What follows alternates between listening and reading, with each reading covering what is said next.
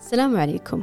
Welcome to the National E-Learning Center podcast series about digital credentials to promote trusted online learning for all. Today, credentials play a critical role in recognizing the competencies earned by the learners, especially with the phenomenal growth of online learning for upskilling and reskilling. It is essential for us to understand the role of digital credentials in the life learning process and ecosystem. So, in this special podcast series, we will explore aspects of credentials from innovation, standards, and policymaking, and their impact on bridging between the labor market demand and supply from the perspective of academia and industry. Today, we are thrilled to be joined by a special guest, Dr. Albert, Assistant Research Professor at George Washington University. Without further ado, let's welcome our guest to the podcast. Welcome, Dr. Albert. May you please tell our listeners more about yourself? Yes, so I'm an assistant research professor at George Washington University. I guess I'm best known for managing the non degree credentials research network, I often go by the acronym NCRN, which is a community of now about 360 researchers and stakeholders. Study or use data on microcredentials. When we talk about microcredentials and non degree credentials, the term is very similar. That includes things like apprenticeships, certifications, certificates, licenses, badges, which I'll talk a little bit more about later about just kind of how there's a lot of issues around how we classify credentials in the United States, and our members are trying to figure all that out. Interesting.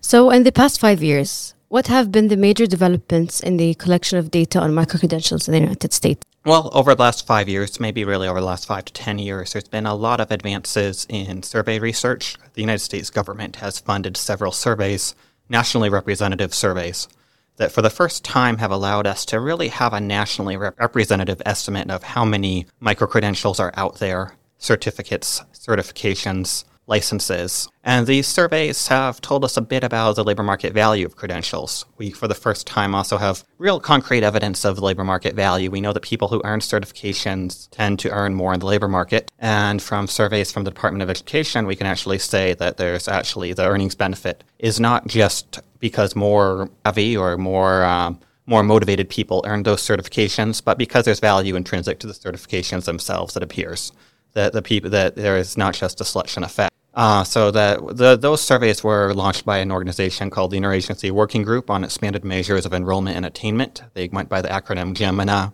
They um, included the Adult Training and Education Survey, which collected data on certificates, certifications, licenses, and what they called work experience programs. There's a new survey called an NTEWS, National Training, Education, and Workforce Survey, that's being launched by the National Science Foundation and the National Center for Science and Engineering Statistics. Again, that will actually have a longitudinal survey design, so we'll be able to see whether people who earn a certification in 2021, how much do they earn in 2025, 2027. It'll be a, we'll be able to follow those people through the decade, uh, through the 2020s. So we'll actually have a lot of data, you know, a lot more data, and looking forward 10 years from that. State longitudinal data systems have been another area. All 50, almost all 50, 49 of the 50 states now have a data system that uses administrative records on who has graduated from universities in their states, including certificates. We can see if those people earn certificates, if they earn more in the labor market, and we know how much they earn because we're using tax records to actually see how much they earn. So that's been another major advance. And those have really, uh, really come into their prime, I would say, in the last five years. So, what are the major challenges uh, within collecting these data? Well, one major challenge is that I think we don't have a great taxonomy of non degree credentials. We know the major buckets. We know that the, there's certificates, which are usually based on some type of course of study. We know there are certifications, which usually require some sort of examination, some sort of demonstration of competency, and are time limited. Usually, you have to renew those certifications by doing some kind of continuing education activity or taking an exam again. There's um, licenses, which are you know based on, usually based on an assessment of competency, but are administered by the state as opposed to a private organization. Obviously, we have apprenticeships as well, but we don't really know often where does a where does a badge end and a certificate begin. Within this world of certificates, there's huge variation from things that might be completed within a day or two, where somebody just goes through a simple workshop and gets a certificate at the end of the day, versus something that might require a year or more of university study or study in a community co- in the community college system. So right now, it's our data systems. We tend to code whether people have a certificate or not, and the data is a one or a zero. You have it or you don't. Um, I think that obscures, you know, the variation, huge variation we see in the quality of training providers, the rigor, um, and the extent to which these credentials ultimately represent competency.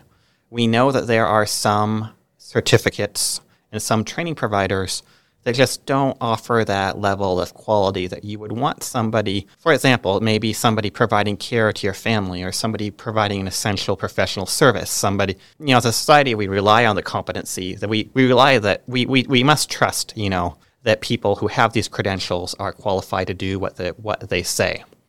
And it's a really, it's a real problem, I think, that um, we have these, this variation in quality, and we're trying to figure that out.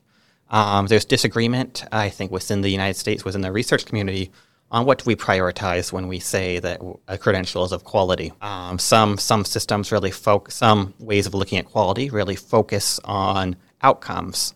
Can we look at, say, the credentials of high quality if the people who complete it earn more? For some cases, it's more related to is it can we measure the, the qualifications of the instructors, perhaps? Or maybe we can say something about how the institution is operated. Lots of different ideas out. And as a research community, I think that's been a challenge to first all get on the same page and, you know, have consistent definitions. Maybe having um, a verifying agency that can governance the credentials will solve this problem. What do you think? Well, there are accreditation agencies in the United States. There's many accreditation agencies.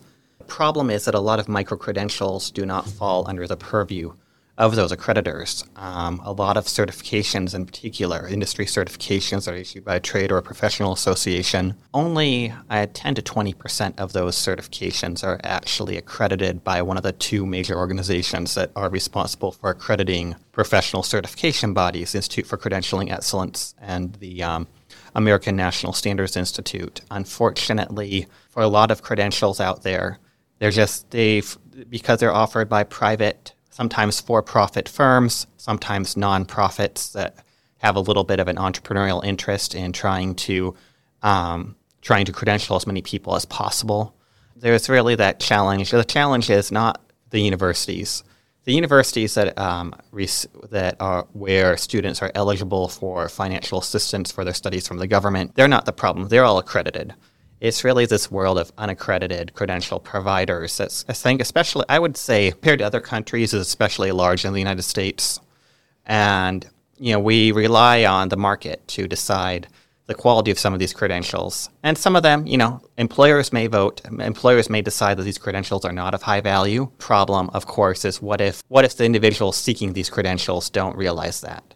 What if they just, what if they see a video on TikTok? They see, or what if they just go to the first page of results on Google, which may be advertisements, trade schools, credential providers that may, like I say, some of them are good. Plenty of very good, high quality organiz- credential providers advertise. Problem is identifying those bad apples. And still, learners are getting these credentials. From your point of view, why do you think these learners are still interested in these micro credentials? I think there's a couple factors at play. One is simply that many learners don't know where to find high quality information about credentials. Even though some states have done a good job of creating data products where using those state longitudinal data systems I talked about earlier, they're able to track outcomes associated with certificate programs, especially in the public institutions. A lot of these private institutions, all these private training providers may not be reporting data that can be easily tracked by these data systems. I think also a lot of learners just simply don't know I mean, they don't know where to find the good information. They don't also have access to high quality counseling. High school counseling in the United States, um, although most high schools provide some sort of career, career or guidance counselor, most students have some sort of access. It can be quite limited. In a lot of high schools, um, students might only have a couple hours to discuss their future with a counselor over the course of four years of, of schooling. And once they're out of school, oftentimes there's nowhere to go. There's no honest broker they can turn to to really get ideas about um, what can they do, what's a good what's a good pathway for them. They lack that personalized advice. I think also the other factor to mention is that in the United States, we do have a high level of income inequality. A lot of students feel like they're probably stuck in dead end jobs. Sectors like I don't I don't want to say I don't want to generalize, but you know there are a lot of low quality jobs in the retail hospitality sectors, for example, in the United States, and I think that on some level people are even desperate. I think to get out of those jobs, and they're willing to um, take a little bit. Of, they're sometimes willing to take a risk. Um, they're highly motivated to find a credential if they see an advertisement, they see the promise they think that this is the pathway into into a higher paying profession. You know, they're tempted to to go for it, and sometimes, you know, sometimes unfortunately they don't do their research. You mentioned some learners are unfamiliar with the appropriate pathway. What do you recommend that they do to identify high quality credentials? Yeah, unfortunately, um, there's not a single data system that covers all micro credentials. That's still several years out in the United States. That's a real fu- an opportunity for the future, but it's not where we are now. Some states do have data dashboards that are published online where you can look up information. Uh, for the certifications and licenses, the Department of Labor does publish a certification finder and a license finder that provides some information that individuals might be able to use. I think individuals also should talk to employers. Unfortunately, the, we don't have a lot of good surveys of employers, but ultimately, employers are the ones who are going to decide if a credential has value in the labor market. And I think that um, people need to look at what are the employers what are the, what are the employers requesting what are they demanding job postings data especially maybe not maybe it's not quite there now but there are projects like the national labor exchange which is a project to bring together really massive amounts of data from job postings, um, uh, job, job descriptions posted by employers to employment websites like, for example, Indeed. Uh, they have 4 million job postings there at any given moment. And as I think researchers figure out how to work with that data, I think I'm very optimistic that we will have a better sense of what are the credentials that employers are demanding and which credentials are associated with long term economic mobility, which ones, not just which ones pay the most tomorrow for the person who earns that credential, but which ones have value five years, 10 years down the road. Lifelong, yes. So, will digital badge solve this problem? And how do you think this will be solved, if so? That's a good question. I think that badging has value certainly in the verification of credentials. I think that badges have some potential for improving our data systems if we can get to a point where people can share their badges easily with researchers. Oftentimes, when Americans hear the term badge, I think they're, they are associating that with just simply short term sort of certificates, really. And that's a bit of a problem. Um, mean, the badging technology is great um, badges themselves, it really depend. If you're thinking about just thinking about how many American learners define a badge, it's just a credential that may take a few days to a few weeks to complete. There can be value certainly, but I don't think that workers should expect miracles in a short period of time. Certainly, if it's uh, if they're learning technical skills that employers are demanding, that can be really valuable. But from what I see and what I've seen in some of the research I've done myself with um, data from our public workforce system uh, credentials that are under a few months, usually they don't have a lot of value. Um, going back to the data collection, um, I'm sure there are some opportunities. So, um, what are the biggest opportunities to improve data systems?